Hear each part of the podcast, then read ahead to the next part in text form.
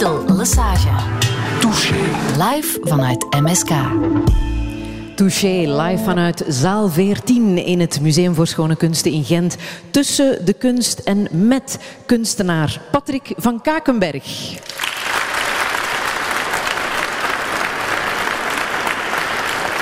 Goedemorgen Patrick. Hoewel jij jezelf liever pantoloog noemt. Hè? Wat is dat, een pantoloog? Een pantoloog is een, uh, iemand die alles lief heeft. Iemand die alles graag ziet. En zo ben jij? Toch voor een groot stuk, ja. ja. Behalve kunstenaar, pantoloog, ben je ook bricoleur. Ook dat zijn jouw eigen woorden, hè? Uh, ja, je is iemand een knutselaar. Iemand die graag zo vanuit een grote verzameling, een groot archief, alles bij zich, bij zich draagt, zoals een slak, zijn slakkenhuisje. En daarmee direct aan de slag kan gaan zonder ja, naar de brico te moeten lopen. Of alles wordt ter plaatse ingevuld. Zo, ja. Archivaris, mag ik dat ook zeggen van jou? Mm, archivaris, eerder zo de woord van archeoloog. In die zin is het misschien iets juister. Iemand die zoekt. En ik gebruik dikwijls het woord uh, uh, omweg als methode. Dus dat je heel grote zwerftochten maakt, heel avontuurlijke zwerftochten maakt, om tot je doel te komen. En een archeologie moet ook heel wat opruimen voor hij tot zijn uiteindelijk resultaat van ja, brokstukken. Dan nog altijd blijven het brokstukken. We staan hier in uh, zaal 14 met het publiek van Radio 1. Het is een beetje een vreemd zicht in een museum, hè, want het gebeurt zelden dat hier zoveel mensen in één zaal zitten. Hier staan verschillende werken van jou. Je hebt de glazen stolpen, je hebt een soort van uh, ja, oude, wat is het, een, een, een koets? Ja, een schelp, koets. Waar ook van alles in zit? Ja, wel, dit is een, iedere sculptuur of ieder uh, object hier is altijd sterk verbonden met verhalen. Ik schrijf nog redelijk wat verhaaltjes. En het is dikwijls verbonden ook met uh, een soort een hulpstuk die ik voor iemand maak. Kunnen imaginaire mensen zijn, kunnen bestaande mensen zijn. Dit is bijvoorbeeld de schelp. is een, uh, een mobiel die ik gemaakt heb voor uh, Antti Arne. Dat is een Finse folklorist. Die had zo'n bijzonder project begin vorige eeuw. En die had in zijn hoofd, die wou alle sprookjes ter wereld verzamelen. Maar natuurlijk, ja, daar heb je het probleem van het tekort aan geheugen. En ik heb voor hem zo'n mobiel ontworpen waarmee dat hij de wereld rondtrekt om beter sprookjes te kunnen onthouden. En hij doet dat op basis van de geur en de smaak. Dus hij komt bijvoorbeeld in een dorp open uh, aan en hij opent zijn... De schelp is ook in die vorm gekozen in de, in de analogie van het, het sprookje. Dus je opent de schelp en hij heeft twee heel grote oren om beter te luisteren naar de mensen. En er zit ook van alles in, hè? een servies zie ik daar, een heel klein serviesje. In kort uh, verteld. Dus de inventaris zijn allemaal tubetjes met allemaal bouillon. Heel sterke concentraten bouillon. En hij nodigt, kom bijvoorbeeld toe in een dorp, en hij nodigt zijn en hij nodigt de mensen uit. En die brengen allemaal iets mee. Je brengt een ajuintje, een, een wortelke, een prei. En ze zitten samen rond een vuur met een kookpot op een grote pot au feu maken ze. En terwijl dat ze het klaarmaken, terwijl het aan het sudderen is, hè, vertellen ze. En hij laat, ze laten alles inkoken, inkoken, inkoken, tot als er zo'n uiterst geconcentreerd bouillonblokje overziet. En in dat bouillonblokje klasseert hij eigenlijk in zijn schelp. En de, dus per regio in, wordt dus de wereld als één grote bouillonverzameling. In omgekeerde zin komt hij ergens toe en hij wil vertellen. Hè, dan opent hij terug zijn, nodigt hij de mensen uit en zegt: Kijk, voilà, nu vandaag ga ik iets vertellen, bijvoorbeeld over Sint Cornelis Oorbeek of zo. En hij neemt het boekje en hij doet vraagt twee liter water in zijn alambic, doet er een beetje in. En door de geur Ah, dat was Jules die mij toen vertelde dat. En zo is eigenlijk... Zijn geheugen is volledig gebaseerd op het smaak- en de geurpatronen en omgekeerd. Het meest opvallende kunstwerk is de sigarenkist. En als ik dat zeg op radio, denken mensen, denken de luisteraars, dat is zo'n doosje van uh, 10 op 20 centimeter ongeveer. Maar dit is ja, op mensenmaat met twee enorme kijkgaten. En als je binnenkijkt, zie je een gezellige blauwe sofa, een enorme bibliotheek, een bed. Uh, je kan er echt gaan, uh, gaan in zitten. Dat gaan wij zo meteen ook doen. En dan gaan we het verder hebben over die uh, enorme sigarenkist.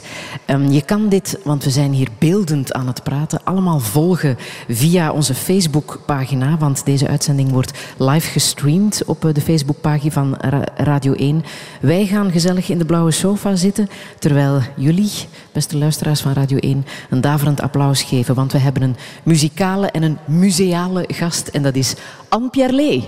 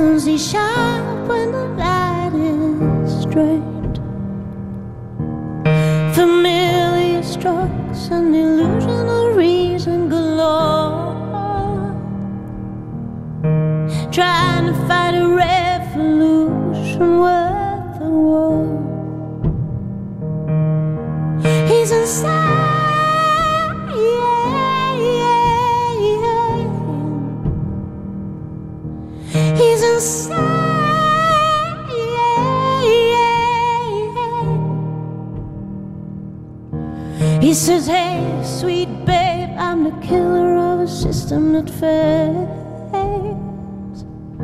Scattered girl on the folding bike, slipping on a tramway rails. He says, Hey, you know, away from that. For now, you're scattered, but soon you will see The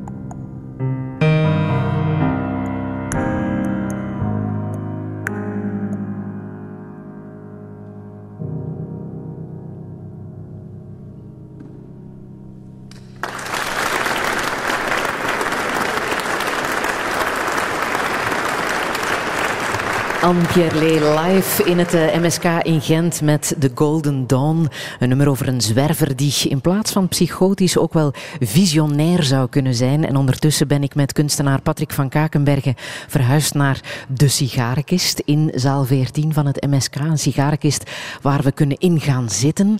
Waar eh, we hier in een gezellige blauwe sofa zitten. Er is een tafel, er staat zelfs een bed, een enorme bibliotheek. Ik zie hier echt onwaarschijnlijk veel spulletjes uh, staan, Patrick van Kakenbergen. Wat, wat is dit precies, deze sigarenkist? Het is een uh, soort immuunruimte waar je van de buitenwereld eigenlijk kunt terugtrekken. Die, ik heb er ongeveer twintig jaar in gewoond, werkelijk. Op, Echt in gewoond? Dit is een volledige, op ware grootte, de, de exacte vorm. Ja. ja dat is natuurlijk dat is geëvolueerd ook in de loop der jaren. En zo in een, het is geen idee, zoiets maken. dat, het is een evolutie van leven, dagdagelijkse mm choreografieën, laat ons zeggen. Ja, want ik zie inderdaad ook een toiletje en een soort waskom en een uh, home trainer zelfs en een naaimachine en een kachel. Dus je kan hier echt wel in, in overleven. Maar op welke mhm. manier heb je ja, de dingen hier binnengebracht? Waaraan moesten de spullen voldoen voor ze in de sigarenkist binnen mochten? Ja, dat is natuurlijk een vrij intern uh, verhaal. Ja. In de zin dat je, de accumulatie dient altijd voor mij, is heel sterk verbonden met kennisopbouw. Ja. Dus dat je 95% van mijn tijd kruipt in studie. Dus het studeren, het bestuderen. Dus je moet zien je moet het dikwijls zien ook, ik zeg dikwijls, soort, ik ben zo'n soort drempelkundige. je zit uh, eigenlijk op de drempel, op de snijlijn van binnen en buiten. Uh, en daar, op die positie, is een... Uh, ja, je, kijkt meer als een antropoloog naar de wereld. Mm -hmm. Je probeert zo scherp mogelijk als een buitenstaander. Zo, het is heel zintuigelijk ook. Van ieder, ieder geurtje is belangrijk, iedere smaak is belangrijk, iedere gebaar is belangrijk. Je moet vroeger op zijn dan iedereen. Je moet later gaan slapen dan iedereen. Dus het kleinste detail is belangrijk om als observator, als buitenstaander. Dat is hier maar je doet dat ook, ja? Maar je doet dat ook tegelijkertijd voor jezelf. Ja. Je moet jezelf ook altijd met diezelfde kritische blik kunnen beschouwen.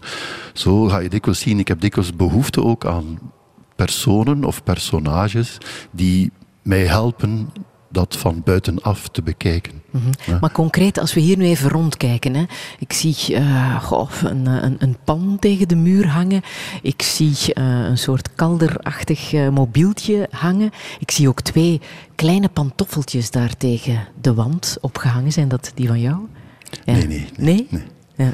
Dat is van onze dochter als ze klein was. Ja, ja. maar die hangen daar zo ja, op de juiste plek. Waar heb je over nagedacht? Je uh, moet het daar hangen, nergens anders?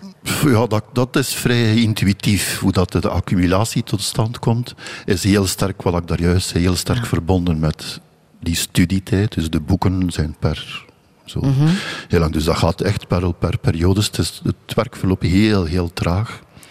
Uh, dus ik heb bijvoorbeeld vijf jaar neurologie, vijf jaar biologie, zo gaat dat verder en mhm. verder. En dan komt het tot de rest van de voorwerpen, wordt mij dikwijls aangereikt ook vanuit het dorp of uh, vanuit het, ja, het, het klein zijn, geheugensteuntjes. Uh, bijvoorbeeld, uh, ja, wat je daar juist zegt, bijvoorbeeld die pan dat is eigenlijk nog de eerste pan. Mijn ouders waren arbeiders in Aalst en die werkten in ploegen. Ik was enige zoon.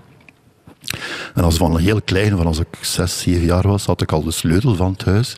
Maar mijn eten stond altijd klaar met die pan op het vuur. Ah. En het enige dat ik moest doen, was het, het uh, aansteken. Dat waren zo patatjes, groenten en vlees. En dat was zo één bruine Mhm. massa. Zo. En ik heb er altijd, ja, die pan als een soort, ook het, het idee van het, het sudderen is altijd iets dat mij, het, het inkoken van alle gedachten. Zo. En dat is eigenlijk die 95% van de tijd. Dus dat is eigenlijk het insudderen. En daarvoor geloof ik ook heel sterk in het horizontaal werken. Dus ik lees veel en het bed is een heel belangrijke plaats. Dat is het horizontaal werken. Ja, ja, dus het studeren, het lezen. Het en het idee van de sigarenkist, want ik zie hier niet meteen sigaren liggen. Van waar dan het idee van de sigarenkist? Wel, de, in het algemeen, ik ben nogal ja, vrij gefascineerd door alles wat het doosje, een doosje gewoon, een mhm. sigarenkistje is ook een doosje. Maar in zijn oorspronkelijk eigenlijk komt het idee van het uh, etymologisch gezien, arca, de ark, is eigenlijk, betekent eigenlijk doosje. En een afleiding daarvan is arcanus, is geheim. Dus eigenlijk het geheim doosje. En door het feit dat ik ook alleen was thuis in dat arbeidershuisje, Uh, het huis werd een schatkamer voor mij. Dus ieder doosje werd opengedaan. En dat was een soort zoektocht naar schatten in het huisje. Mhm. En het doosje is altijd iets dat mij heel sterk heeft blijven fascineren. Natuurlijk, als je er verder over nadenkt, is het een soort, ja, de ark. Het is een overlevings immuniteitssysteem die ontwikkeld is vanuit een heel religieus standpunt, maar ook met de zondvloed, het zich proberen te redden en alles samenbrengen, heel geconcentreerd op één kleine ruimte, gans de wereld samenbrengen. En dat is natuurlijk wat hier gebeurt, in, in essentie. Maar deze kist stond bij jou in Horbeke in jouw atelier. Ja. Nu... Dus, dus dat was het atelier. Hè? Ja. Het stond niet in een atelier, het, stond, het was dat het was atelier. Het, dat was de afmetingen. nu heb, je het afgestaan, hè? het staat nu in het MSK. Ja, en het blijft hier ook. Ja, dus je eh, bent je atelier kwijt. Nee, dat atelier zit in het, in het, in het hoofd. In het hoofd ja. Uh, je kunt niet... Maar dit is jouw leven samengevat? Een leven van ja, zoveel jaren ja. dat je nu in een museum hebt gezet. Wel, met dat soort van structuur, ik heb dat vroeger ook een keer gehad met de Living Box in Gent. Uh, op een bepaald moment is het gelijk als je op, op reis vertrekt met een rugzak en je vertrekt, maar op den duur zit dat stam, stamvol. En probeer er nog iets in te steken, dan ontploffen. Zo'n zo'n zo uh, ja, autogene vaten, noem ik dat ook dikwijls zo, dat gaat ontploffen. En op een bepaald moment moet je dat verlaten, omdat dat, ja, dat is uw einde dan. Hè. En dan moet je denk ik ook zo genereus zijn om het uh, te kunnen doorgeven, anders wordt dat vernietigd. Dat vernietigt zichzelf. Ja. En door het feit dat, dat je die mogelijkheid dan kreeg, zo'n jaar of twee, drie geleden, die eerste gesprekken van zo de bedoeling. En ook dat het dan juist zo samenviel met die 16e, 17e eeuw, dat het dan ook een, dat ze eigenlijk ook een model zochten. Want het staat inderdaad opgesteld tussen de werken van uh, de Gouden Eeuw. De Gouden Eeuw, ja. Omdat dat dan ook die scharniermoment was waarop zo, ja, die Italiaanse koningen, die Medici's, die hadden in hun paleis eigenlijk een, privévertrek, een studeerkamer met portretjes, boeken enzovoort. En door de invloed van de ontdekkingsreiziger kwam er heel wat exotica mee naar, naar Europa. Ja, andere gewoonten, andere mensen, andere kleren, andere mineralen, fruit mm enzovoort enzovoort. En die waren daar heel op, op die, die verlangden daar echt naar die objecten.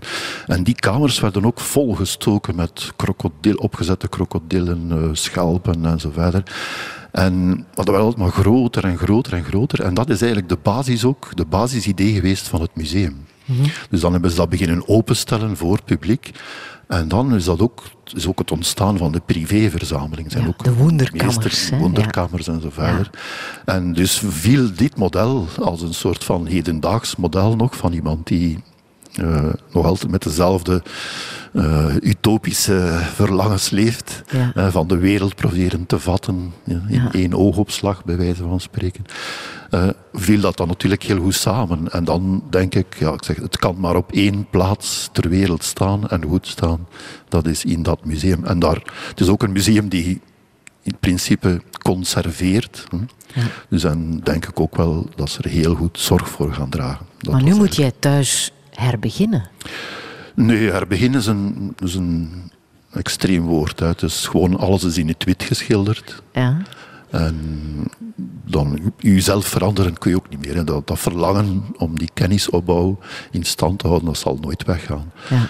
Uh, dus het is een, gewoon een, een nieuw begin. Zo ja. van een soort van ja, uh, nieuwe kennis, nieuwe verlangens en zo verder en zo verder. En het geeft ook veel energie, want zo'n, voor mij is dat een heel akoestische ruimte. Als je hier s morgens binnenkomt, al die uw beste vrienden zijn hier. Uh, ik de boeken ook, bedoel je dan? De boeken, hè. Ja. ja. Dus die spreken met mij. Hè. Ik kan zo, voor van de literatuur, kan ik ze zo verschillende laten met elkaar laten praten. Ja. En kan je zeggen welke boeken hier zo staan? Uh... Oh, die zijn allemaal geordend. Je hebt een heel groot stuk, dat is zo'n zo soort constante. Je hebt de literatuur, de wereldliteratuur, de grote wereldliteratuur. En dan is het per per studiethema. Zo. Je hebt, ja. uh, en boven het bed zie ik, is dat de Winklerprins? Nee, dat is het boek van uh, het leven der dieren. Dus Slechte ogen dus. Ja. Uh, ja, Dat is een encyclopedie van... Ja, maar de Winklerprins heb je ook, hè? Hoe staat die ergens ja, dus Hier staan er enorm veel encyclopedieën, maar de staat, meest belangrijke staat daar boven op het kast. Dat... Uh, bij mij ons thuis er, ik heb bij mijn ouders nooit een boek gezien, nooit muziek gehoord, nooit niks van, van cultuur in die grote woord. Zo. En uh, toen als ik in het eerste studiejaar zat, toen zes jaar, was ook de leraar was ook uh, vertegenwoordiger van encyclopedieën. Dat was 66. Hm. En die kwam bij ons thuis en zei, ja, u, mijn moeder, ja, uw, uw zoon gaat dan nog veel kunnen gebruiken. En ze had een encyclopedie gekocht. Uh, maar een boek, dat was zo'n vreemd object in dat huis, dat ze, daar, ze kon dan ergens, allee, dat was zo iets dat ze niet goed verstonden. En ze hadden dat tussen mijn speelgoedkastje gezet, in mijn speelgoedkastje.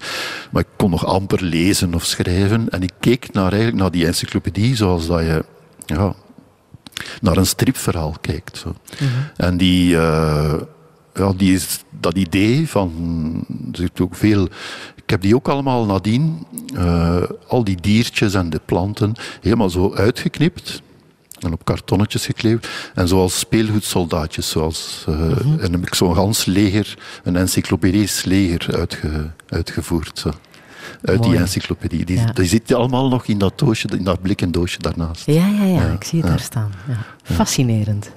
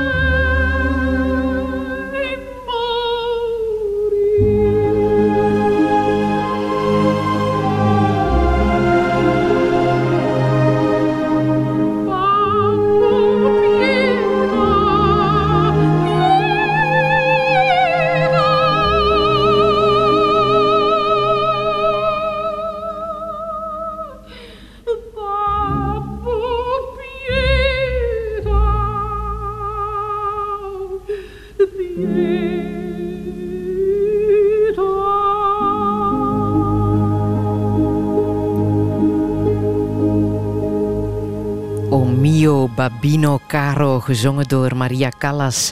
Het is een eh, fragment uit een opera van Puccini. Patrick van Kakenberg, we zitten er naar te luisteren terwijl we in de sigarenkist zitten, op de blauwe sofa, gezellig met ons tweeën en in de zaal ook nog met een eh, pak luisteraars van Radio 1. Patrick, wat betekent deze muziek voor jou? Oh, het is meer een sfeeroproeping, denk ik, van de zondagmiddag bij ons thuis. Dat ja, in de jaren 60 had altijd tussen 12 en 2, denk ik, opera en bel canto. En dat was in de winter zeker, was dat, gans de winter was dat altijd hetzelfde scenario. Dat was altijd schorseneren in, schorseneren, pardon, in witte saus met rosbuf.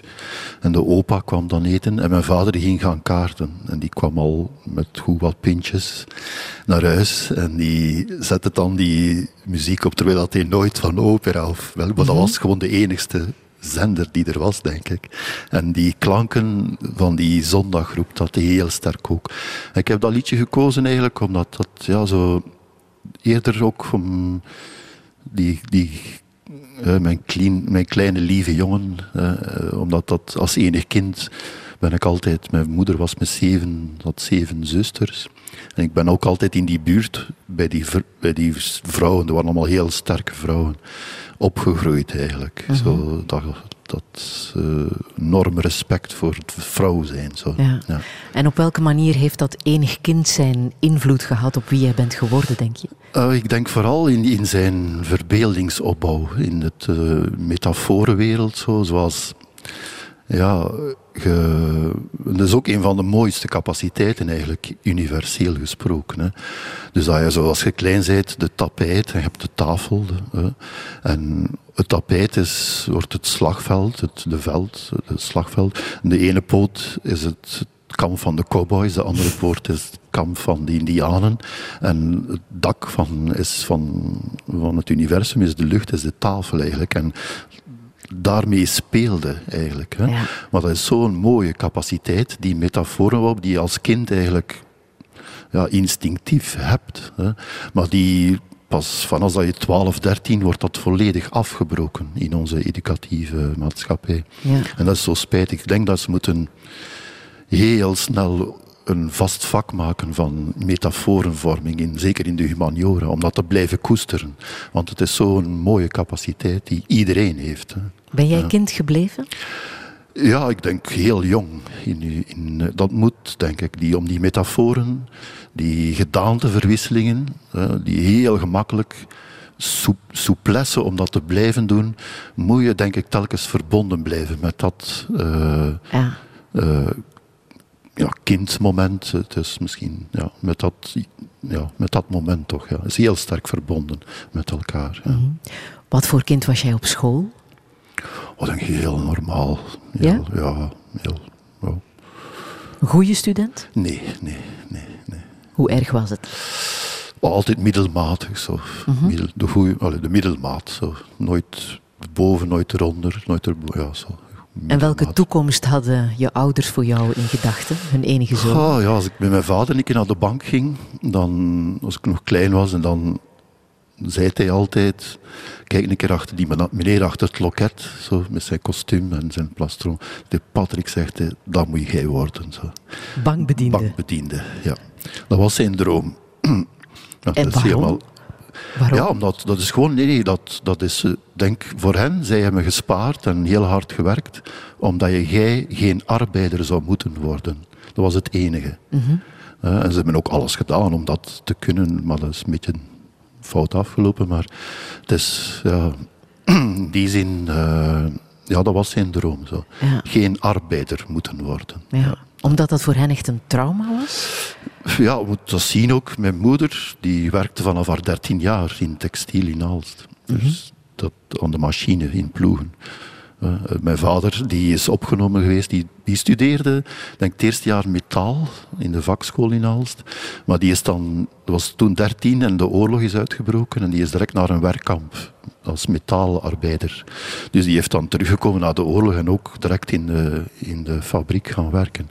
Dus mijn moeder misschien niet, omdat dat was had in een veel, die had een heel groot gezin ook. En ja, mhm. dan zit in een ander mm, manier van door. Terwijl mijn vader die had denk ik wel een beetje. Die heeft nog samengewerkt met Louis Paul. Met Louis, ja, in de brouwerij in Aalst, in de Zeeberg. Ja.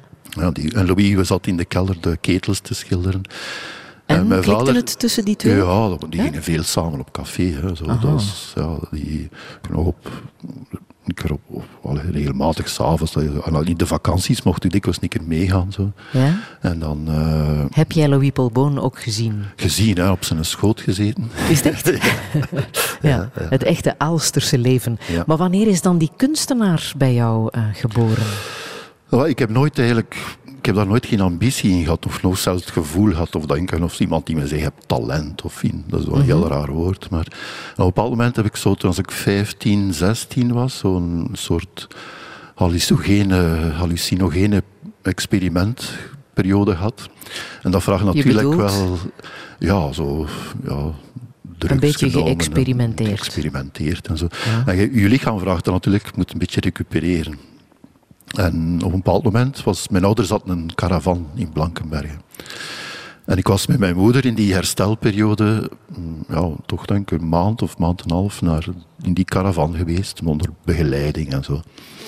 En daar, je zo in die herstelperiode, krijg je een soort, dat zijn zo, eh, ja, fysieke aanval. Dat is gelijk dat je lichaam een beetje begint te beven. En er lag daar zo'n boekje met ruitjes en een stilo, een bik gewoon. En ik gebruikte, en ik kleurde altijd met die stilo die, die, die vakjes. Zo. En links, niet rechts. Maar ik deed dat heel obsessief. Als, dat voor, als ik daar zeg. Soms heb je dat ook als je naast de telefoon zit en je maakt zo, ook zo zenuwtrekjes zijn dat eigenlijk. Hè. Maar dat waren ontwenningsverschijnselen die je voelde ja, allicht. Ja.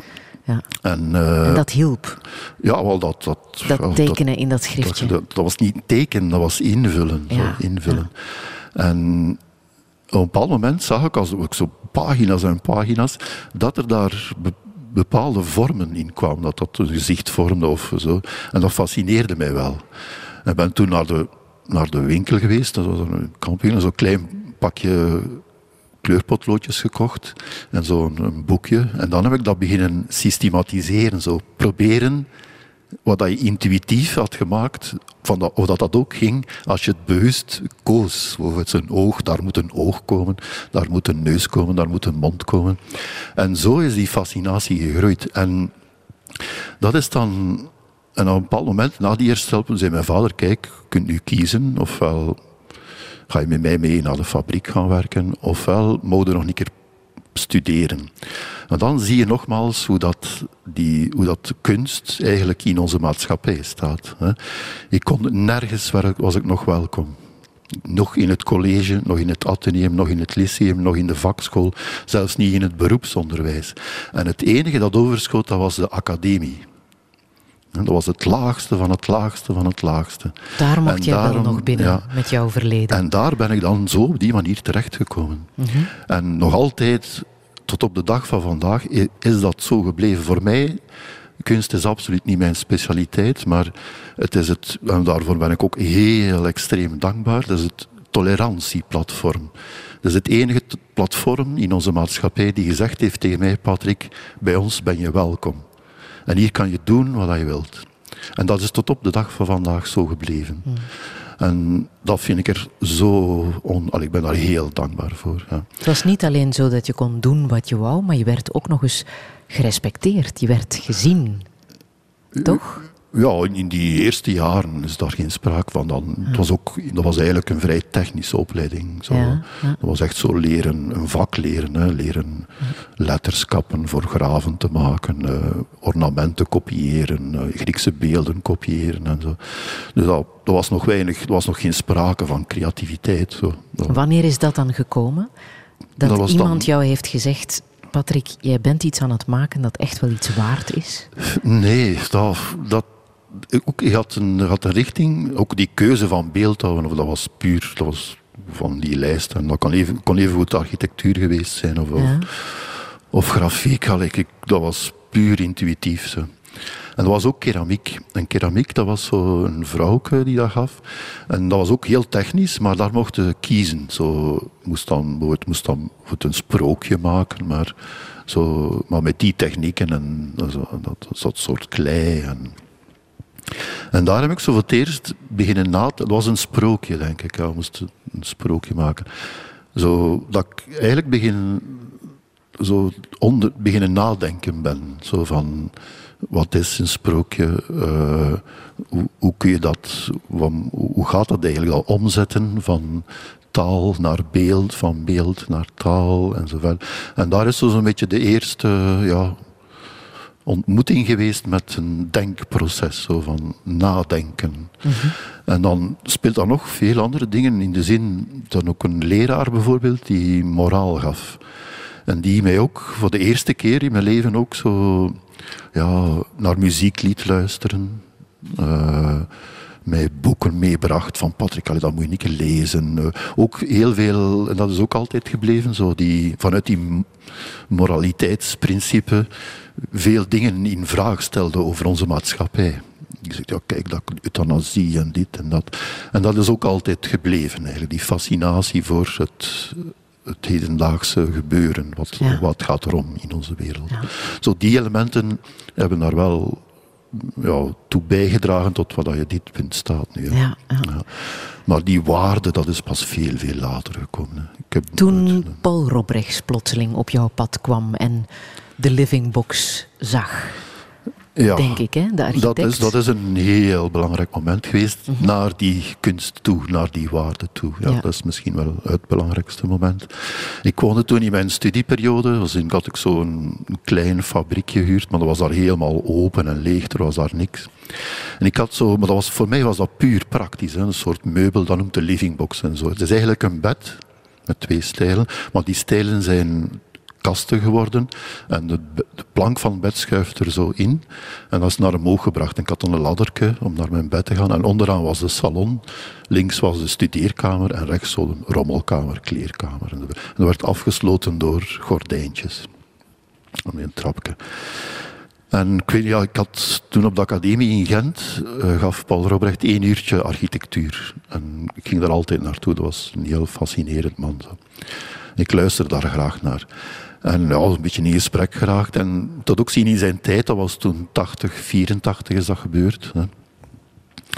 Dat, uh, en hij was daar enorm door gefascineerd door dat meubel. Want voor mij was dat een, een overlevingsmeubel. Ik had nooit gedacht aan foto's van te nemen of, of niks.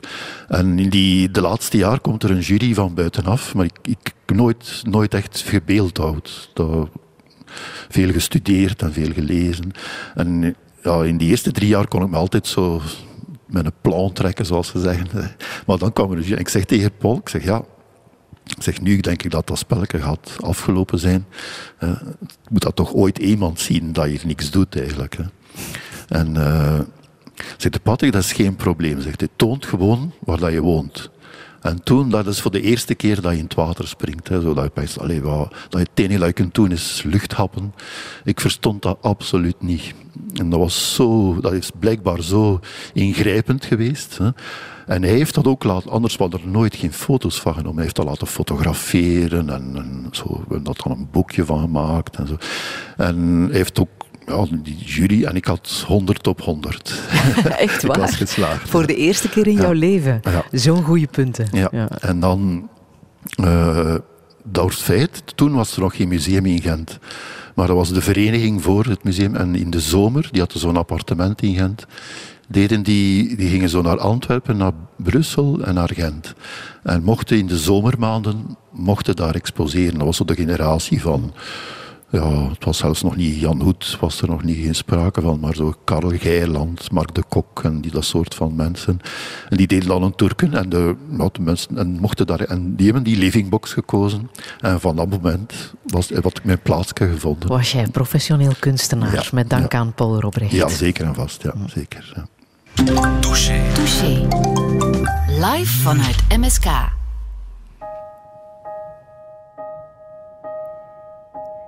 Ik weet nu dat wie steeds het goede zoekt, nooit iets van waarde vindt. Ik loop hier over straat bij nacht, de wind waait zacht, ik zing. Het heeft geen zin te wachten, nee, er komt geen nieuw begin. Want wat ik niet vergeten laat, is slechts herinnering. Wees maar niet bezorgd, oh, wees maar niet bang. Niemand zal weten hoezeer ik naar jou verlang. Niemand zal ooit ook maar iets aan me kunnen zien. Lieveling.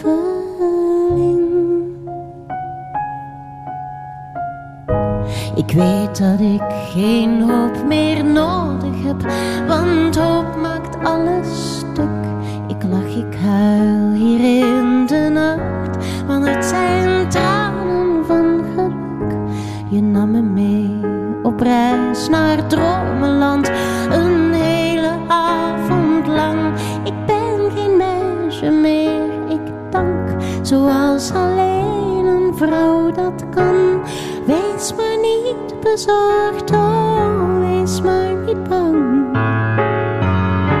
Niemand zal weten hoezeer ik naar jou verlang. Niemand zal ooit ook maar iets aan me kunnen zien. Lieveling.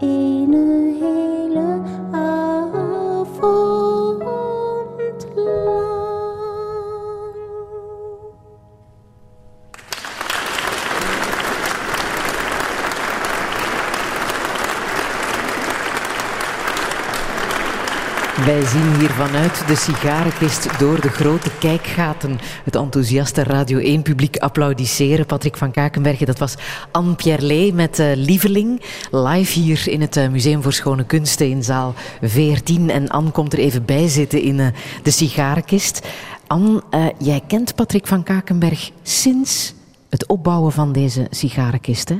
Ja. Zo is het begonnen. Ja. Wat Dus- viel jou zo op aan Patrick? Dat hij zo goed kon knutselen.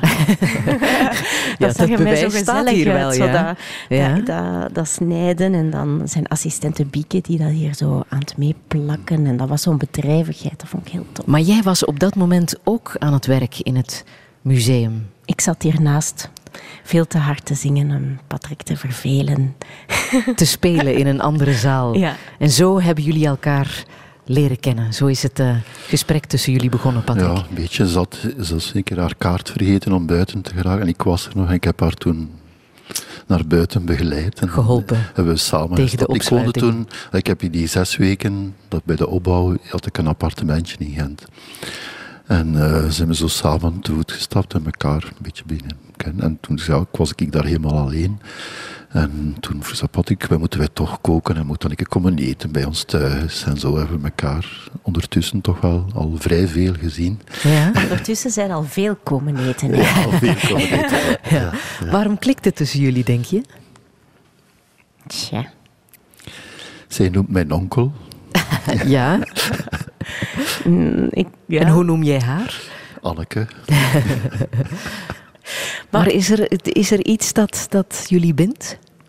Maar ik denk dat er wel een soort kinderlijke verbeelding eh, gemeenschappelijk is. En zo. Mhm. We lachen eigenlijk ook graag, hè, Patrick? Ja, er is heel veel plezier mee gemoeid. Zo. Ja. Met Ja. elkaar praten, eten, een glaasje drinken. En ook met Koen, Ja. Koen, jouw partner, met wie je nu een nieuw project hebt, hè? Anne en Koen. Een beetje zoals Ellie en Rickert. Ja, dat is het nieuwe plan. Ja. Om in het Nederlands te zingen. Dat doe je trouwens op dit moment met de tournee Geletterde Mensen. Daar Ja. ben je nu eh, aan het eh, eh, spelen. Ehm, maar je bent ook wel geïnteresseerd in kunst. Hè? Dat is eh, toch wel iets eh, waar je graag mee bezig bent. Ah, wel, dat komt nu heel goed uit dat ik hier zo... Ze hebben daar dan een naam op geplakt, dat ik artist in residence mag zijn hier in Ja. MSK. Maar dat is, ik neem daar te weinig tijd voor de laatste jaren, voor zo echt naar dingen te gaan kijken. En hier zit je op een plek en het komt naar je toe en je kunt hier zo rondlopen of soms een keer veertien dagen voor één schilderij zitten en dan daar iets op maken. Ja, zoals? Welke werken fascineren jou hier in het eh, MSK? Ehm, de Maria Magdalena van Stevens, daar heb ik zo veertien dagen voor gezeten. Ik heb op eh, La Passion Humaine ook iets gemaakt. Mhm. Eh, een lang improvisatie eigenlijk. Mhm. Ehm, ja, en er is, eh, ik heb ook een zin eh, in een liedje van in de kamer waar ik zit in het kunstlicht, dicht bij waar Patrick zat. Dus Dat was dan Dus, eh, hier, dat was dan hier. in de sigarenkist. Hiernaast is er zo'n schilderij van een hond die bijt in een everzwijn. En ja, kijk, dat, dat sluipt dan zo binnen en dat vind ik eigenlijk tof. Ja. Kan jij muziek spelen, Patrick? Nee, nee, Geprobeerd? nee, Zingen? nee, Nee? Kan hij het nog leren, Anne? Oh ja. Ik heb al voorstellen gekregen, maar Nee, denk niet. voorlopig niet. Ja, ja. Maar er zijn nog meer kunstenaars hè, die jij volgt, Anne. Behalve Patrick van Kakenberg. Ehm, goh, ik volg daar een beetje van opzij, maar jij bedoelt waarschijnlijk Sophie Muller. Ja, je bent al genoemd in Touché een week of Ja, twee tof, geleden. ja. Maar, maar dat is heel tof. eh, we hebben elkaar een beetje... Ik heb eigenlijk Sophie ooit een keer naar aanleiding van haar... We waren elkaar tegengekomen. Ehm, en toen had ik gezegd... Allee, dat was een tof gesprek. En ik zei van... Kunnen we een keer geen koffie gaan drinken? Want ik vind eigenlijk dat dat te weinig gebeurt. Dat mensen gewoon vragen van... Eigenlijk was dat een fijn gesprek. Kunnen we niet gewoon een koffie gaan drinken? En dat was dan heel leuk. En onze dochters zijn ondertussen goede vriendinnetjes. En Sophie komt dan soms, eh, als ik hier aan het werk ben, dan komt zij zo boetseren bij mij. En, Jullie inspireren elkaar. ja, en Peter de Kupperen is ook al gekomen, want dat, dat fascineert mij ook heel hard. En Patrick heeft ook zo'n werk, hè, Ehm, met, eh, met, met geuren. Met en- geuren, Ja, ja. dat is heel Ja. tof en intuïtief. Ga jij wel eens voor een werk van een andere kunstenaar zitten? ja, als ik hier zo lang rondloopt, zo in, ja, sommige dingen springen er zo echt uit. Hè. Ja. Zo, Zoals hier in- bijvoorbeeld in het MSK. Heb jij zo'n Ja, werk? dat, die in, als je binnenkomt in de grote hal, die, zo, die lichamen, die, zo, die marmer, die zo Ja. in elkaar. Zo, het is like niet af, zo, het is onaf. Zo. Ja, dat, dat, fascineert mij wel, zo, omdat zo in nagedachtenis van Paul Valéry, zo een grote mentor, Ja. die schreef ook: en wat af is, is nooit gemaakt. hè. Is altijd in dat stadium van zoeken en ja, onderzoeken. ja. Paul Valéry, waar trouwens heel veel cahiers hier, cahiers, eh, ja, dat zijn de originele cahiers van Valérie. Ah ja? En waarom fascineert hij jou zo? Ja, door zijn, hij heeft ooit een keer een heel mooie eh, tekst geschreven dat als ik hem lezen, denk ik, nou, godzijdank, vrij jong, allee, in, in twintiger. En is noemt mens en schelp. En hij is aan het wandelen aan de zee en hij vindt zo'n schelpje. En hij, hij schrijft dus een heel korte tekst, 10, 12 paginaatjes, maar hoe kan, hoe kan zoiets bestaan? Zo, het, het, en dat, en het schrijft prachtige tekst over, is dat kunst, is dat een dier, hoe komt het, welke mineraal, hoe is dat opgebouwd en zo verder. En dat is eigenlijk waarmee dat ik fundamenteel mee bezig ben. De totale verwondering van alles. Ja.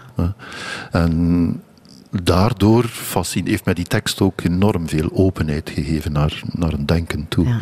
Een slak, dat is ook alweer een huisje. Hè? Dit is ook een huisje. De schildpad. Ja. Heb jij ook zo'n soort uh, huisje voor jezelf? Want dit is een, ja, je zou het een man cave kunnen noemen. Uh, heb jij een soort uh, woman cave waar jij je in terug, terugtrekt en jouw spullen verzamelt, oh. creëert? Oh, Elans huis is een beetje zo, hè?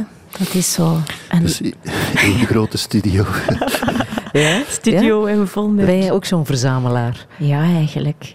Ja, ik heb een verzameling oud kerstgerief en hier in de sigarenkist zijn er ook allemaal zo Zelfs schone dingetjes. Ja, ja. En ook uh, ja, zo dat wonderkamerachtige ja, bij ons staan daar ook krokodillen. En... Ja, het zit helemaal vol. Ook. Zeker ook in die studio van Koen. Dat is gelijk een, een museum, een akoestisch museum. Zo. En ook als je daar binnenkomt, dat is, dat is zo fascinerend eraan. Hè. Die, het ademt en het leeft door muziek. Ja, Iedereen die daar woont is muziek. Gewoon een nootje en die bewegen. Maar ook als je daar te voet stapt, een elefanteit is nog aan het zingen. Of aan het neurien. Zit er plotseling aan het praten. En Ik kan daar niet aan doen. dus, dus dat, dat is heel fascinerend. Dat je zodanig in, in, je, in je eigen thema duikt, dat het een, stuk wordt van uw leven. Hè. Ja. Het, is, het is uw bloedsomloop. Dat, dat is altijd aangenaam van zo'n mensen tegen te komen. Ja. Vraag natuurlijk, dus een, een, van maandagochtend tot zondagavond moet je daarmee bezig zijn. Anders lukt dat niet. Hè. Maar als dat zo is, dan is dat paradijselijk natuurlijk. Patrick van Kakenberg, ik heb nog muziek uit een van jouw favoriete films. En dat is een heel bizarre film. Ook dwergen zijn klein begonnen, heet die film. Even Dwarfs Started Small.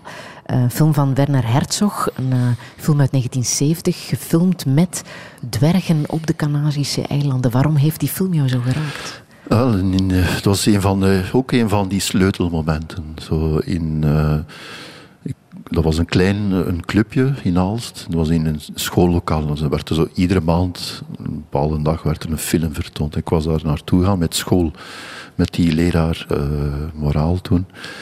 En ik was daar verschrikkelijk van. Ik had dat nog nooit gezien. Verschrikkelijk van onder de indruk. Dat, was zo'n, dat is eigenlijk een opstand van dwergen op een eiland. In een, een, een, een heel fascinerend en met gruwelijke beelden. En dat is ook zo een van die ja, denkpistes geweest van waar je ook energie hebt. Of misschien geen energie, maar toch die laten ontploffen. Zo, op momenten, zo dat moment met die livingbox, die film. Zo, Paul Valéry, dat, zo, dat zijn echt uh, sleutelmomenten. Zo, die, ja.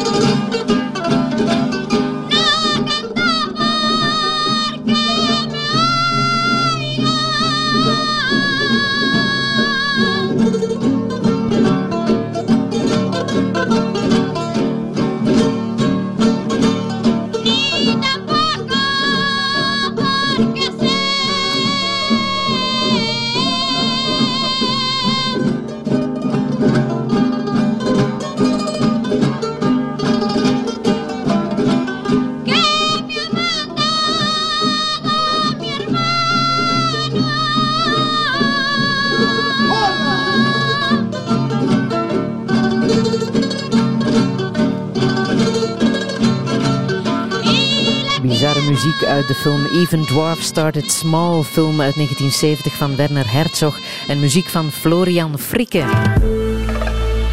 Radio 1. 1. Friedel Lesage. Touché. Live vanuit MSK. Touché live vanuit de sigarenkist in zaal 14 van het Museum voor Schone Kunsten in Gent. Met allicht een van de meest eigenzinnige burgers die ons land rijk is. Kunstenaar en pantoloog Patrick van Kakenberg. In deze kist, deze sigarenkist op mensenmaat gemaakt, zit zowat zijn hele leven vervat. De voorwerpen die hij heeft verzameld, de boeken die hij heeft gelezen. We zitten gezellig in de blauwe sofa met een kacheltje aan ons voeten. Er is een toilet, er is een bed, er is een werktafel, een home trainer en een naaimachine. We zijn uh, te zien en te volgen via de livestream op de Facebookpagina van Radio 1. En we zitten hier niet alleen, want door twee reuze kijkgaten zien we ook het aandachtige Radio 1-publiek. En onze muzikale gast, Anne Pierre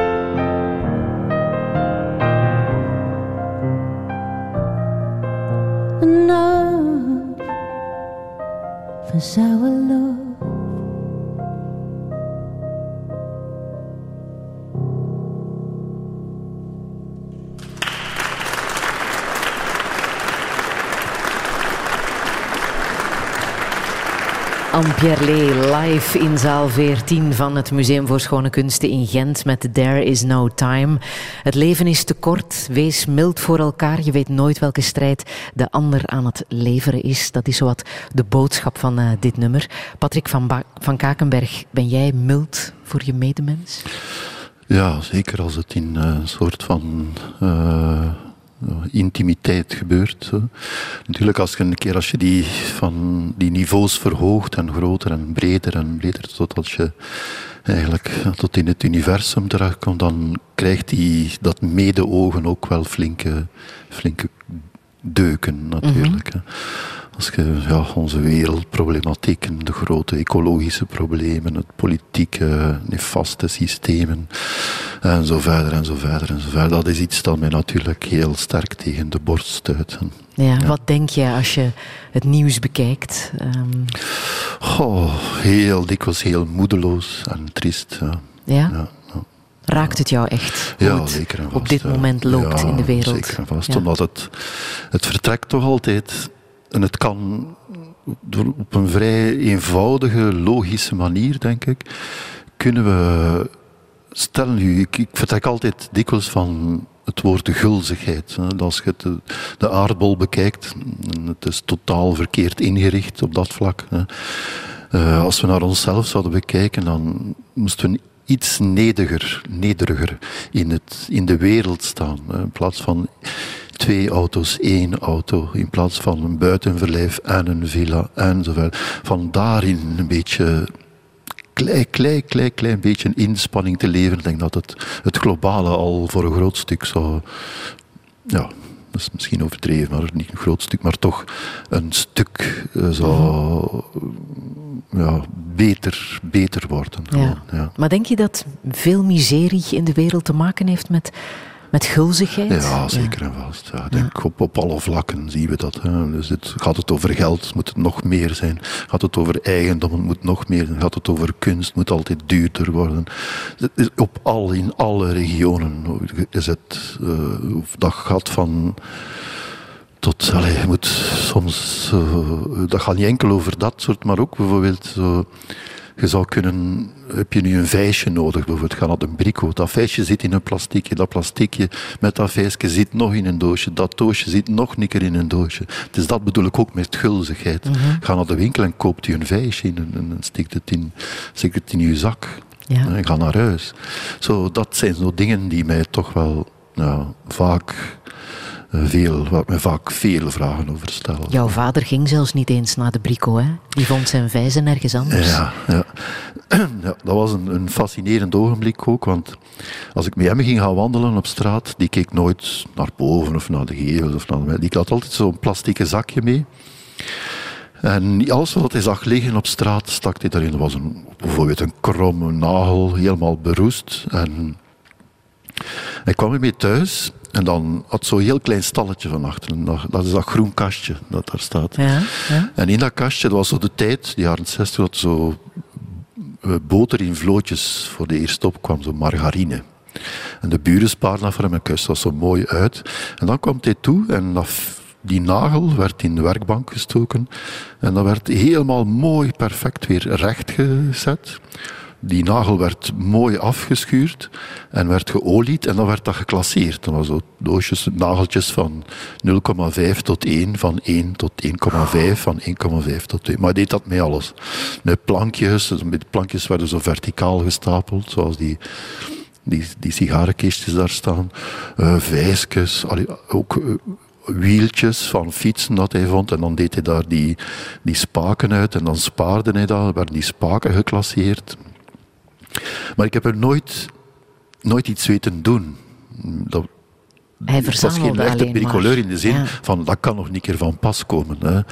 Dat nooit. Maar op een bepaald moment, ik was toen, kwam nu juist van Gent en ik ben toen in die overgang, ik ging dan architectuurgeschiedenis studeren in Eindhoven en heb ik zo een paar weken weer bij mijn ouders ingetrokken.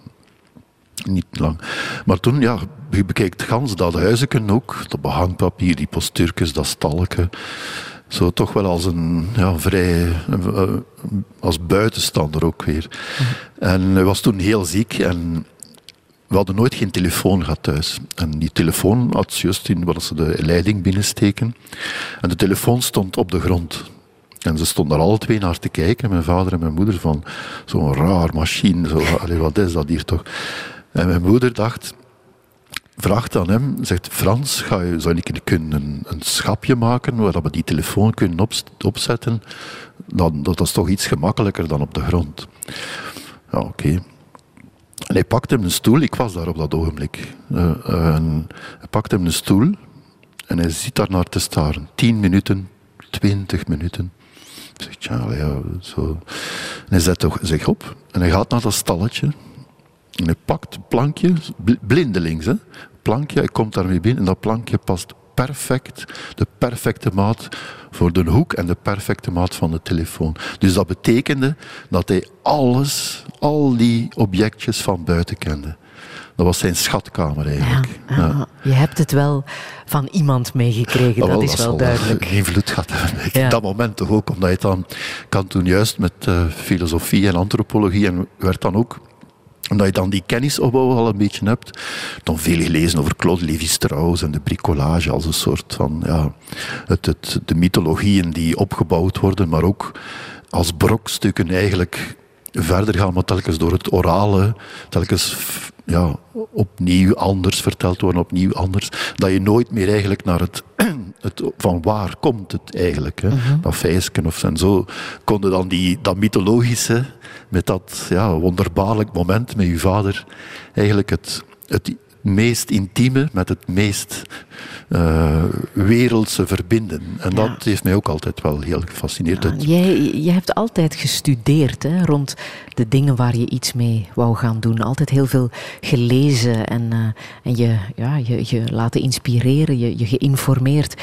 Is dat ook wat we een beetje missen? We laten het nieuws ons alles vertellen en denken dat de wereld zo in elkaar zit? Mm, ja, ik denk voor mij dat, dat, dat neemt 95% van mijn tijd in. Dus daar is al het eerste, denk ik, probleem. Mhm. Dat het daar voor dat soort van studie is er heel weinig tijd nog. Uh, zo, daarmee moet je dat ook, zo'n leven, manier waarop ik, kan, dat ik mijn leven kan inrichten, is een paradijselijk leven. Mhm. en daar moet je ook heel dankbaar voor zijn. Maar die, dat vraagt enorm veel tijd. Mhm. Ben jij dankbaar? Ik ben heel dankbaar, ja. ja. Hoe uit jij dat? Oh, ik schrijf overal op, op die boeken hier ook de uitnodiging Dankeschön. Ja? Dankeschön, ja. dankeschön, dankeschön. Ja. ja. hier ook? Is het hier ook te zien? Dat, dat zou wel kunnen op die boek. Kijk, daar op die boek staat Dankeschön. Ah, ja, ja, ja, Maar je bedankt ook elke dag dat je hier mag zijn. Oh, ja, dat je mag doen wat je doet. Dat mag je nooit. Iedere dag uh, moet je daaraan denken. -huh. uh, en hoe doe jij dat concreet? Ah, symbolisch lig ik iedere dag een keer op mijn knie, zet ik me een keer op mijn knie en zeg dank u wel dat je op die manier kunt leven. Ik heb geen enkele andere ambitie ook, hoor, dan dat te kunnen doen. Mhm. En ja, met die, die, die, studietijd dat je hebt, die, die enorme vrijheid ook in je dagdagelijkse leven of choreografie, het, het, huishoudelijke, want dat speelt ook een grote rol altijd geweest. Mhm.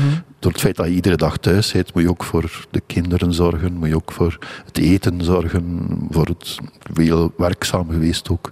Mhm. Tussen 97 en 2005, 6 zo, in het dorpsleven. Mm dat, dat hoort allemaal, maakt daar een vast deel van uit. Hè, van kan je zeggen dat je ook geëngageerd bent? Ja, in de zin dat ik toch probeer veel dingen in vraag te stellen en dat aan de, een boodschap mee door te geven. Ja. Uh, als dat kan, enigszins zal ik dat zeker doen. Ja. Dat komt ook, denk ik, omdat je ook uh, ja, uh, je bent verplicht, moreel verplicht van dat te doen. Het is mijn soort ethiek, een diepe ethiek, dat je dat moet, die boodschap doorgeven, die vraagstellingen.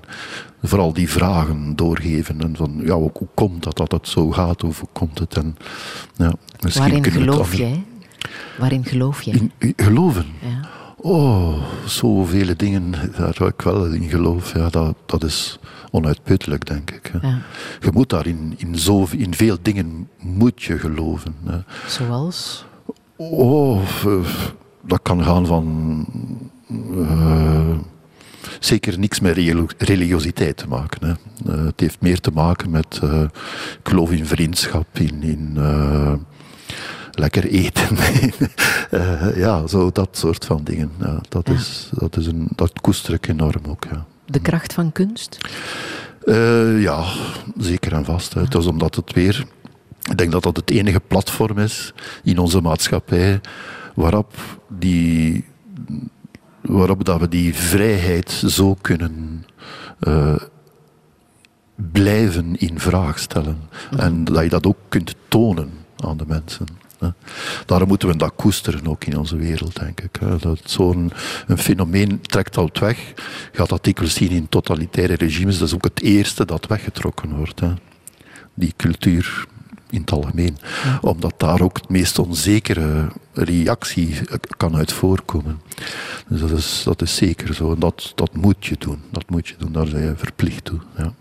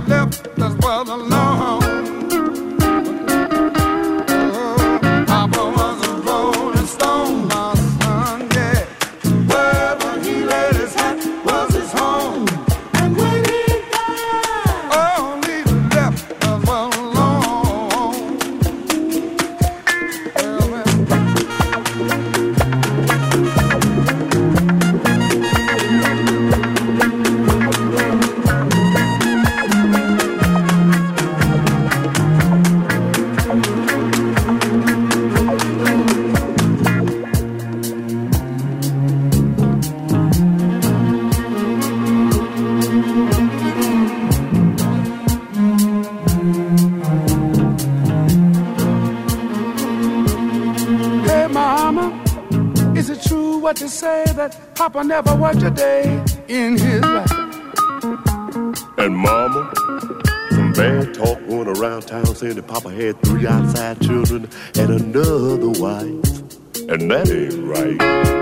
Heard some talk about Papa doing some storefront preaching. Talking about saving souls and all the time leeching.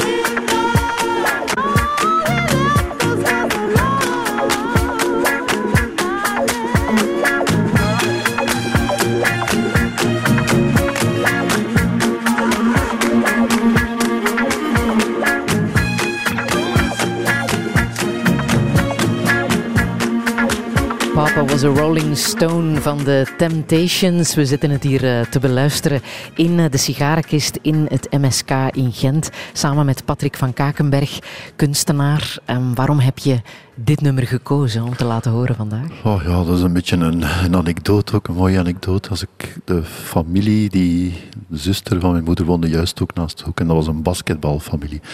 En de buurt waar we wonen is een, was een bas, het Ezelspleintje, omdat dat is zo'n eh, een arbeiderswijk. En die is van gebouwd in de jaren 40, 30 zo. En ze noemen dat de oude barakken, eh, omdat dat vroeger de Engelsen Ja. van het leger in barakken stonden. En dat waren allemaal arbeiders. Ze noemden dat Ezelsplein omdat wij daar altijd gingen spelen. Dat waren allemaal de domme jongens die daar gingen spelen van Alst. En eh, dat was een basketbalplein en die familie was daar heel sterk. Die speelden ook allemaal basket. En, op een bepaald denk, wel, denk eind jaren 60, ik was toen nog jong, eh, kwam een van de eerst, allereerste zwarte basketters naar en die kwam daar spelen. En ik had de sleutel van bij mijn tante achter de hoek. En de buurman kwam, maar ik, ja, ik was wel op de hoogte, maar ik weet, dat was de eerste keer in mijn leven waar je voelt, dat je, moet dan goed taal leren op school. En die doet open en staat er een man van 2 meter en 10 voor u. En die had zo'n grote machine, muziekmachine op zijn, rug, op zijn schouders. Ghetto Blaster. Ja, denk Ja. ik zo, ja. En zo'n grote zak van het Amerikaans leer. En staat zo oog in oog met die man. En je, weet, je kunt niks zeggen. Je kunt niks... Ja, geen enkele vorm van juist kijken. En dan zei hij zo een woord. Basket, basket. Zo, dan weet ah, tja, ja. Dan, ik heb hem dan gewoon bij mijn tante thuis gezet. Heeft zich in die zetel gezet die machine op tafel gezet. En dat was, die zette die muziek op en dat was dat, Dit dat nummer. Ja, ja. Ik, ik had dat nog nooit gehoord. Dus dat was heel schrik. Wel, ik had heel veel schrik. Ja. Is heel, eh, Heb je ze ook zien spelen? Heb je ze basket zien spelen? Ja, ja, ja. Ik heb zelf ook nog veel basket ook. Dan, Ah ja? Hoe goed was je? Wel middelmatig. Ja? Want zo groot ben je nu ook weer niet, hè? Ik speelde niet in de... Maar zo, ik was spelverdeler. Dat is, eh, Ah ja. Dus moet hij meer met het hoofd dan, dan te springen. Ja, ja.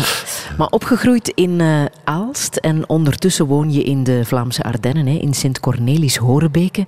Dat is een van de kleinste en mooiste gemeenten van, eh, van Vlaanderen, met mooie vergezichten.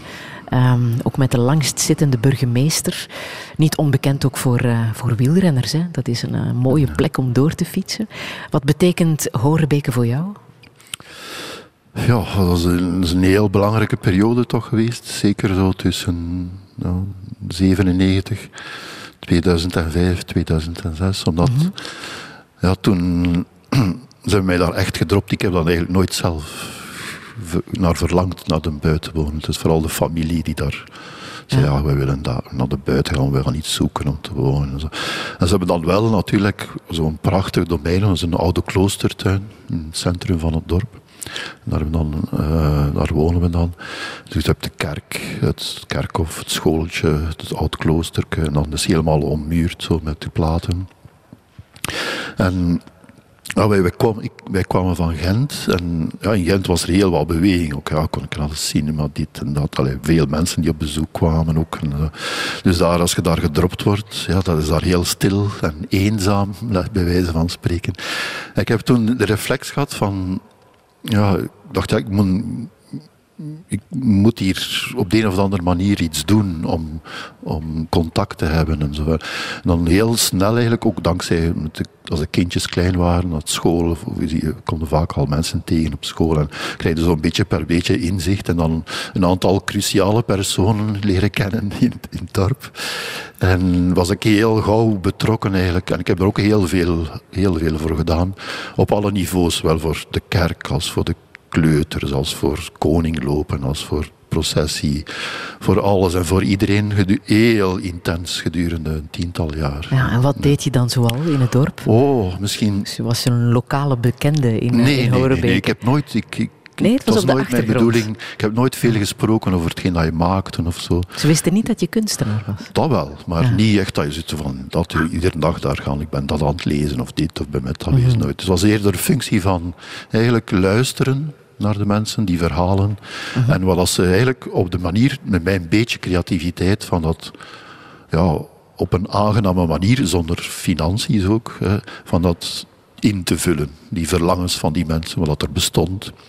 En van dat zo goed mogelijk nog proberen of te, iets te verbeteren of alles wat er komt. Maar in de kerk bijvoorbeeld, wat deed jij Oh, daar misschien dan? het meest bekende verhaal is van het, eh, de hemel. Een hemel is zo'n die vroeger in de processies ging. En het de pastoor onder ligt, is een soort symbool ter protectie van de hemel en de pastoor in vol ornaat. Bij ons is dat Sint Cornelis, de heilige Sint Cornelis, dat is de heilige van het hoornvee, Cornus. Blijkbaar is dat de eerste paus die in de catacomben in 200 na Christus het, de heiligen opriep met een koeienhoorn.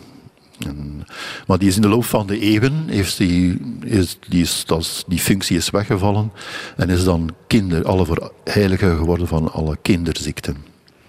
Ja. We hebben op, dus ieder jaar, de zondag van eh, Pinksteren, gaat de processie uit, dus een omgang. En op een bepaald moment, dat zo echt zo problemen die zich voordoen binnen het dorp en dat je het dan een beetje kunt invullen zo, met, met uw vormen. Maar altijd met veel respect voor de traditie. Dus nooit van ik ben dit, dat, dat, dat lukt niet. Hè. Je moet altijd heel veel luisteren en geduldig zijn. En op een bepaald moment gaat de pastoor, wij hebben nog twee jaar die pastoor mee, maar die gaat op pensioen. En ze vinden geen pastoor niet meer in het voor het kerkje. Dus ja, toen ging er, was nog mis zaterdagavond en zondagmorgen. En was nog, toch nog een pakje volk zo die naar de mis kwam, twee keer. Zo. En ja, ze, ik een keer een brief geschreven, en maar je krijgt daar niks van reactie op. En dan in de tuin, eh, in die grote tuin, in dat klooster, wonen twee Franciscanerpaters. Die op pensioen zijn ook. En ik dacht, ja, misschien als we nu zouden vragen aan die paters om een keer de mis te doen, al was het maar één keer in de week of, of één keer om de veertien dagen, dan kan het toch blijven verder bestaan. Zo een gesprek gehad en dit, allee, die, die gingen dat doen en dat was, dat was heel aangenaam. Dat is zo'n jaar of zes, zeven toch nog geduurd, denk ik zo. Dat was heel aangenaam. En, eh, maar er was er ook de processie. Maar de Franciscaners zijn zoiets meer contemplatief en van eigenlijk de klerus met de paus en de hiërarchie en het, het goud. En daar moeten ze eigenlijk niet te veel van, van weten. Zo. En eh, zei ja, Patrick, die processie, ja, dat, is, dat gaan we niet doen. Dat is met die, die hoorn en met dat- die relieken van zo'n teennageltje van heilige Cornelis. Dat, dat. Dus dat was uit. Maar tegelijkertijd, je moet dat zien in zo'n dorp. Zo'n, dat is niet enkel die processie, maar er is ook kermis. Hè. Kerkmis en kermis hè, zit dicht bij elkaar. En eh, ja, de families komen dan bij elkaar, wordt lekker gegeten, wordt gefeest, er wordt alles. Dat is heel, heel aangenaam. En, eh, en dat dan, ik heb dan beginnen over na te denken van hoe kunnen we dan met die, al die traditionele elementen eigenlijk blijven doorgaan. En dan met de schooltjes, en toen zaten ze nog, denk ik, alle kleutertjes zaten bij elkaar. En dan van het eerste tot het zesde studiejaar. Dus je hebt dan s morgens twee rijen die aanschuiven, twee aan twee. En met die gedachte van een kinderheilige en zo verder, de processie, de hemel. En we dat dan op een vrij eenvoudige manier kunnen oplossen in de zin. Ik heb die, die twee klasjes, dus alle kindjes van Sint Cornelis Oorbeke, gemeten in de lengte. En dan met een paar vrouwen een hemel gemaakt van 10 meter lang.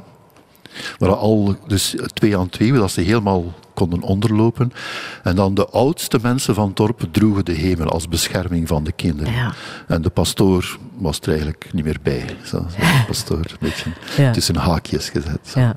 En zo kon eigenlijk, en dat is dat maketje hier, en daar, die staat daar in Die de hoek. staat daar in de zaal. Ja, Ja, in zaal ja. 14 staat staat de hemel daar een- in het hoekje. Kapstok. Ja, maar je bent ook al die tijd eh, huisman geweest. Hè? Jij was degene die het huishouden Ja, deed. voor een groot stuk, ja. Ja. Hoe kwam dat? Dat dat op jouw schouders terecht de, kwam? de vrouw ging gaan werken en ik was thuis altijd. Dus. Ja. En, ik, ja. en ik doe dat ook heel graag. Dus zo een, een, ze heeft een soort ritme aan uw leven. Een soort, eh, en ik hou daar wel van. Zo. Van s morgens, middags, avonds. Zo. Je zegt dat zo bescheiden. De vrouw ging gaan werken. Ja. Belangrijke functie, hè? Die Heel vrouw belangrijk heeft. geweest, ja. Heel belangrijk. Grote met het- CEO. met, ja, met het ritme en manier waarop dat je in die kunstwereld zit, ja, dat, dat functioneert daar. Dus het is veel te traag. allee, dat, om dan echt zo in die regionen van grote, grote kunst en geld te komen, dat gaat nooit niet lukken. Dus je moet altijd vanuit een, een heel nederige positie daarin staan. Je bent heel gelukkig en heel blij dat je op die manier kunt leven. Maar ik heb er ook nooit geen ambitie in gehad. Zo. Ja. En daar is die, ook weer dat principe van ik sta er binnen, maar ik sta er ook ver buiten. Dikwijls weer op die drempel, op die grens zitten van in, in die vlakken. Zo. Maar het lijken twee totaal verschillende werelden. Hè? Jij zit in de kunstenaarswereld en in jouw biotoop ben je bezig met het creëren van, van prachtige werken. Je vrouw is CEO, heeft een, eh, een grote functie. Wel, zij heeft een, een, eh, een eh, ja, zij werkt bij Tupperware in, Ja. in Aalst. En is zo verantwoordelijk voor een, de, ja, zo, de katafdeling. Zo de mensen die tekenen en zo verder. ja. Ja, dat zijn ook verzameldoosjes, hè? Dat zijn- Tupperware. Ja, als onze kelder zit vol. Is het echt? Maar de doosjes zitten niet vol. Maar handig in eh, de keuken, vermoed ik. Ja, heel handig. Ja. Ja, en daar zit jij graag in de keuken. Want In de keuken, ja, graag, ik hè? kook heel graag. Ja. Ja, wat voor kok ben je? Oh, nee, van opleiding denk ik zo gebakken in, in de Vlaamse keuken. Ja. Ja? Ja. Ja. En ik, heb ook, doe dat ook, ik vind dat ook een heel aangename manier om zo welkom. Ik heb bijvoorbeeld in, bijvoorbeeld in Centre Pompidou of in Nîmes. Of, ik heb zo'n werk, nu, de Paravant. Daar maak ik eh, voor 100, soms 200 man soep. En dan komt iedereen, terwijl ik aan het koken ben in het museum, komt iedereen binnen en vertellen ze me mij, babbel ik over mijn werk. En dan komen ze s'avonds soep eten met een pintje bier. En zo. Dat is zo voor mij een, eh, ook een metafoor voor het dorp. Ook, hè. Het is een soort van paravant, een soort ruimte waar je toch vrij intiem kunt in rondlopen. Bij wijze, kunt je bij wijze van spreken uitkleden, maar je kunt toch blijven praten met die buitenwereld. Zo. Maar wat je vertelt over het dorpsleven klinkt heel romantisch. Ik weet niet of het overal nog zo bestaat. Hoe zit het met het dorpsleven nu? Ja, ik denk is het dat niet een beetje aan het ja, uitsterven? Dus sinds, oh, dat gaat heel snel. Ik denk vanaf, ik heb daar uit 2006, 2007 zijn er heel wat eh, van die ontmoetingspunten of eh, feesten. Ja, dat begint heel sterk af te nemen. Hè. Bijvoorbeeld, vroeger gingen we gaan koning lopen, dat was zo koning zingen met drie koningen. Dat is helemaal weggevallen. De kerk is dicht. De school is helemaal erg georiënteerd naar. Mhm. eh, al, het zijn veel dingen die eigenlijk ja, zo. aan Is dat een gemis? Is dat een gemis, denk je? eh, ja, ik denk voor degene, als je het meegemaakt hebt, is dat een heel zwaar verlies. Ja, dat, omdat dat toch wel dingen zijn waar dat. Het is heel klein, het is heel intiem, eh, Maar iets wat de mens het nodig is heel heeft? bijzonder. hè. Dat soort sociaal contact? Iets Ja. wat de mens nodig heeft? Dat denk ik wel, want als je ziet hoe dat, dat, die vriendschap onder elkaar daar zich ontwikkelt met, met die punten, met die eikpunten, dan gaat dat. In, in zijn kleinheid moest het, moest het zo bekijken, is dat een, een paradijselijk oord. Hè? Met al die evenementjes en die kermissen en zo verder. Ook, iedereen kent elkaar, iedereen is betrokken met elkaar. Niet, de, die- de mensen die dat organiseren, moeten dat maar dat is afhankelijk van drie, vier mensen hè, die Ja. daar op heel intense manier mee bezig zijn. Maar de rest geniet daar ook heel van. Zo, en dat maakt het dat het ja, met heel veel plezier en, en, Als het aan jou lag, een pleidooi voor de herinvoering van Ja, het zeker dorpsleven. vast, zeker of toch vast, voor het bewaren vast, en het ja. bewaken waar het nog bestaat. Ja. Radio 1. Touché. Live vanuit MSK. Ik hou me stoer, maar ik ben zacht. Een open boek dat op je wacht. Ik hou me sterk de hele dag van als ik opsta tot de nacht me onderuit maakt. Ik droom al waken, ben zo Maar doe ik straks mijn ogen toe? Verwacht het beeld van je gezicht, je haar, je lach en hoe je ligt net voor je opstaat. Want als het donker wordt en de tijd weer trager dan slaat de twijfel toe en ben ik bang dat het nooit overwaait. Het komt telkens weer op hetzelfde neer. We spreken een andere taal, maar vertellen hetzelfde verhaal. Ik laat me drijven op de stroom. Ik wil een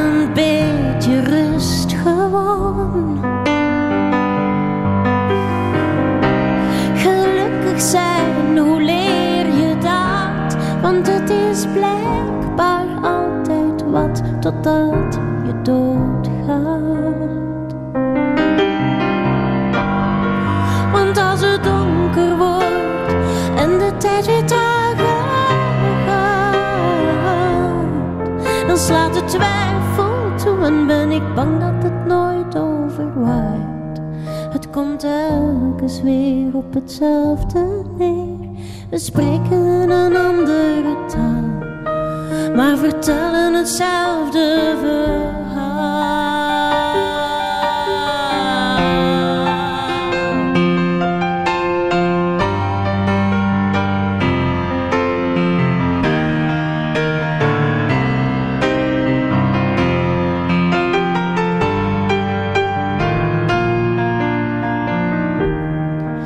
Het komt telkens weer op hetzelfde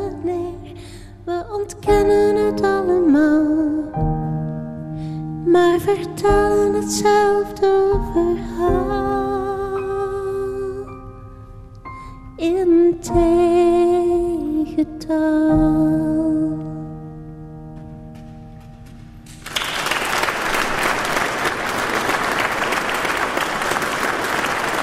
Pierlet hier live in eh, zaal 14 van het Museum voor Schone Kunsten in Gent. Wij zitten nog altijd in eh, de sigarenkist. We hoorden Tegentaal, een nummer over eh, miscommunicatie. Ehm, een nummer dat ze ook gemaakt heeft voor geletterde mensen en het project Anne en Koen, waar ze nu mee bezig is. Patrick van Kakenberg, ehm, jij bent 58 ondertussen. Ja. Hoe zie jij jezelf oud worden? Oh, moest het zijn met, eh, op dezelfde manier eigenlijk. Heel, moest ik zo op die manier kunnen doorgaan. Met Ja. een beetje gezondheid. Dan Gezondheid is belangrijk. Hè? Wat doe jij om gezond te blijven? Oh, eigenlijk niet veel. ik zou zeggen juist het tegendeel soms. Te vaak een sigaretje gaan roken, Ja. dat zit er nog altijd in. Ja. en graag een pintje drinken. ja, zijn dat de kleine verslavingen die er Ja. nog altijd zijn? Toch wel, ja. Ja. ja. Ehm, je vertelde daarnet al, toen je jong was, eh, heb je echt ongezond geleefd. Hè? Als het gaat over drank en drugs. Je hebt een beetje geëxperimenteerd. Hoe ver ging je?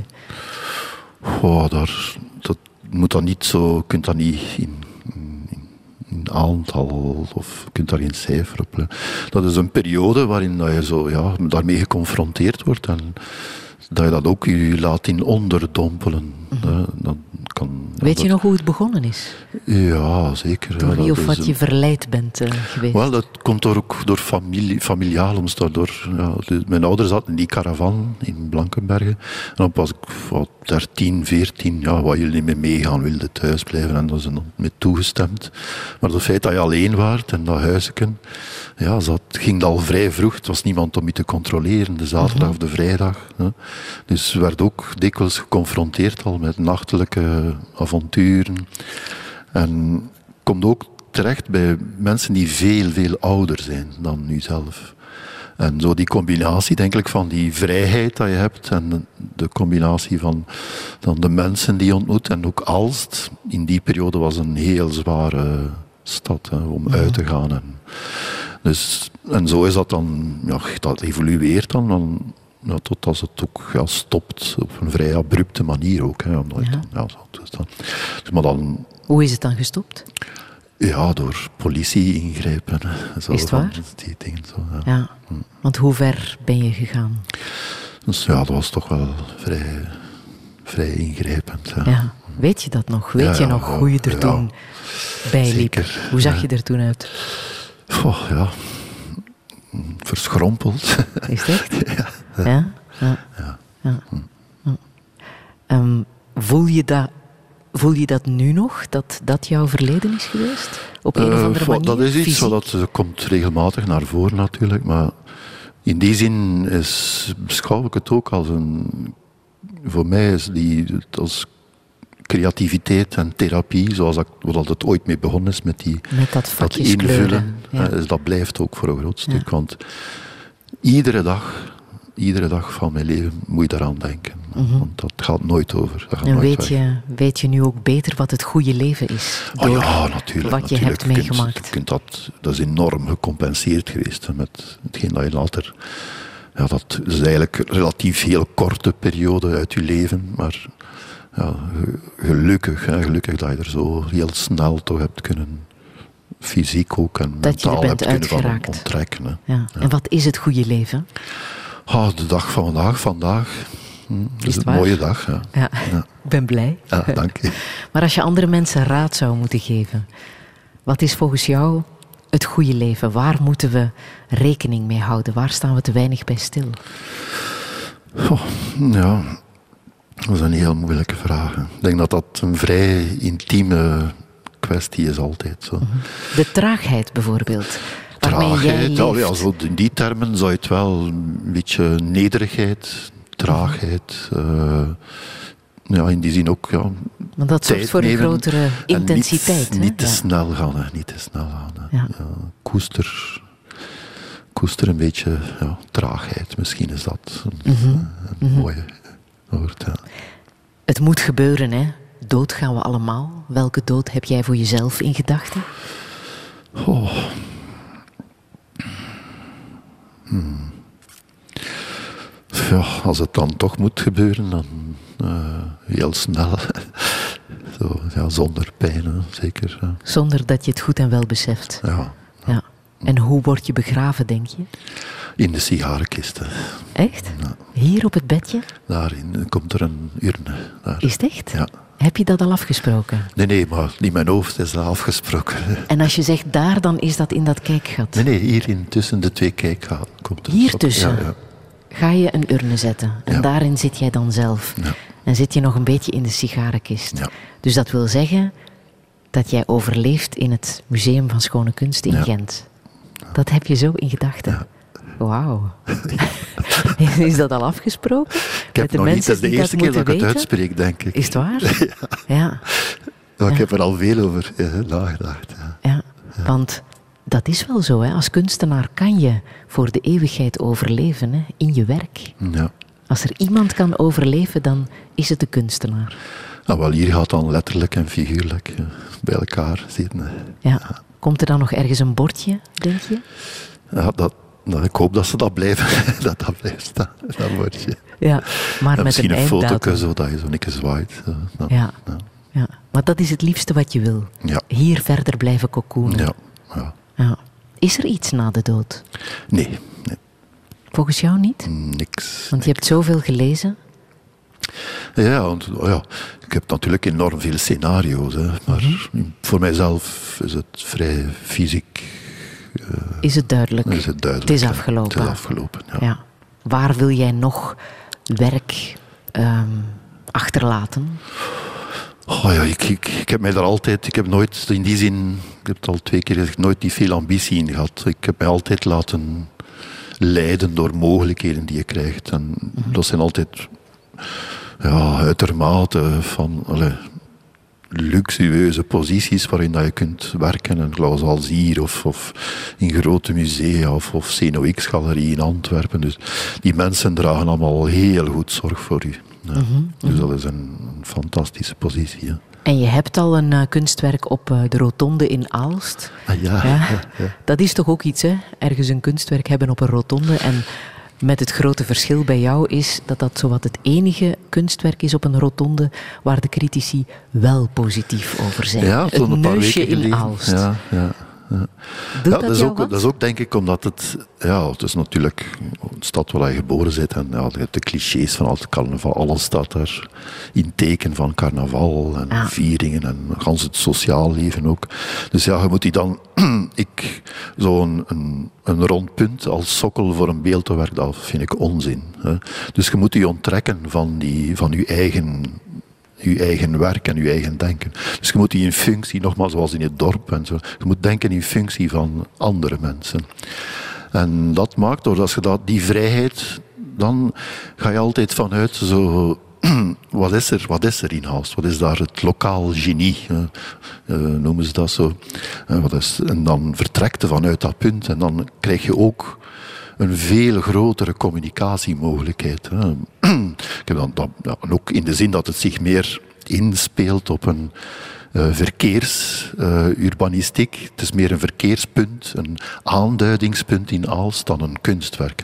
En in de zin van dat het... eh, ja, hoort mensen nu die zeggen, oh Patrick, ze, ze zeggen nu al aan het neuzeke links, aan het neuzeke rechts. Het is een eikpunt geworden. Ja, Je hebt, er worden trouwfoto's gemaakt. Er is al iemand uitgestrooid, ook een carnavalist op het grasveld. Dus allee, het zit, dat, dat, dat functioneert heel goed. Ja. Ja. En dat is de bedoeling van zo'n openbaar werk eigenlijk. Ja. Dat is niet Welke te- boodschap wil jij hier nog nalaten, Patrick? Ik ben niet zo goed in boodschappen. Een kleintje dan. Een kleintje. Een klein Wat we daar juist gezegd hebben, hè. eh, koestert de traagheid eigenlijk. Koester de traagheid. Ja. Vind ik een mooie om mee te eindigen. Dankjewel. Dank u. Touché. Touché. Live vanuit MSK. Say you will.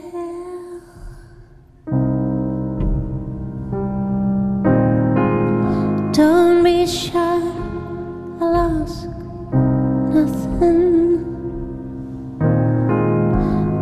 your time in return. I'm concerned.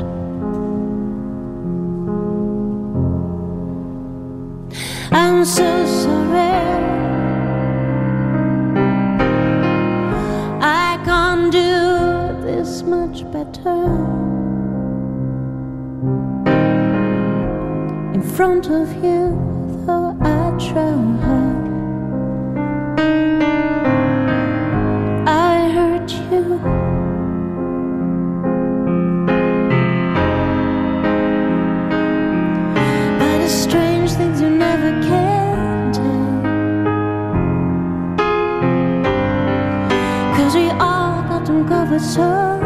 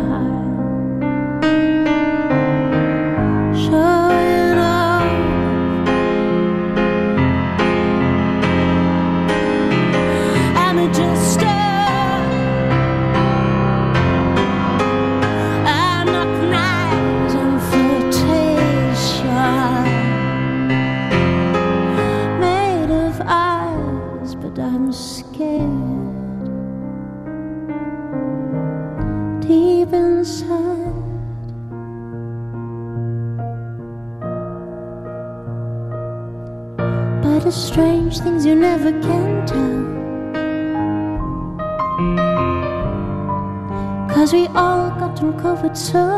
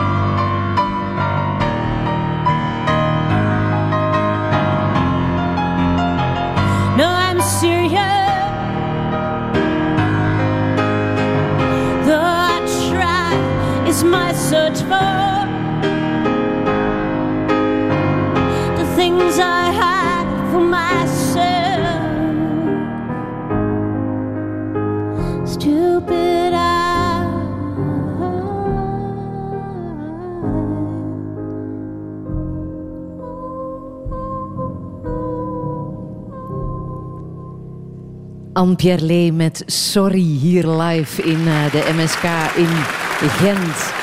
Dit was uh, samen met kunstenaar Patrick van Kakenberg en de geweldige muziek van uh, Anne-Pierre Lee. Ik wil jullie bedanken voor de massale aanwezigheid hier uh, in het MSK. Loop straks nog eens door het museum en bekijk de werken van Patrick van Kakenberg. Ook van Medardo Rosso, de tentoonstelling van Medardo Rosso hier op dit moment. De hele maand mei krijgt Touché mei 68ers over de vloer. Dat is dan voor volgende week. Onze eerste gast is daar journalist Paul Goossens. Dan zitten we terug in de studio. Maar van hieruit wens ik jullie nog een heel fijne zondag. Dank je wel.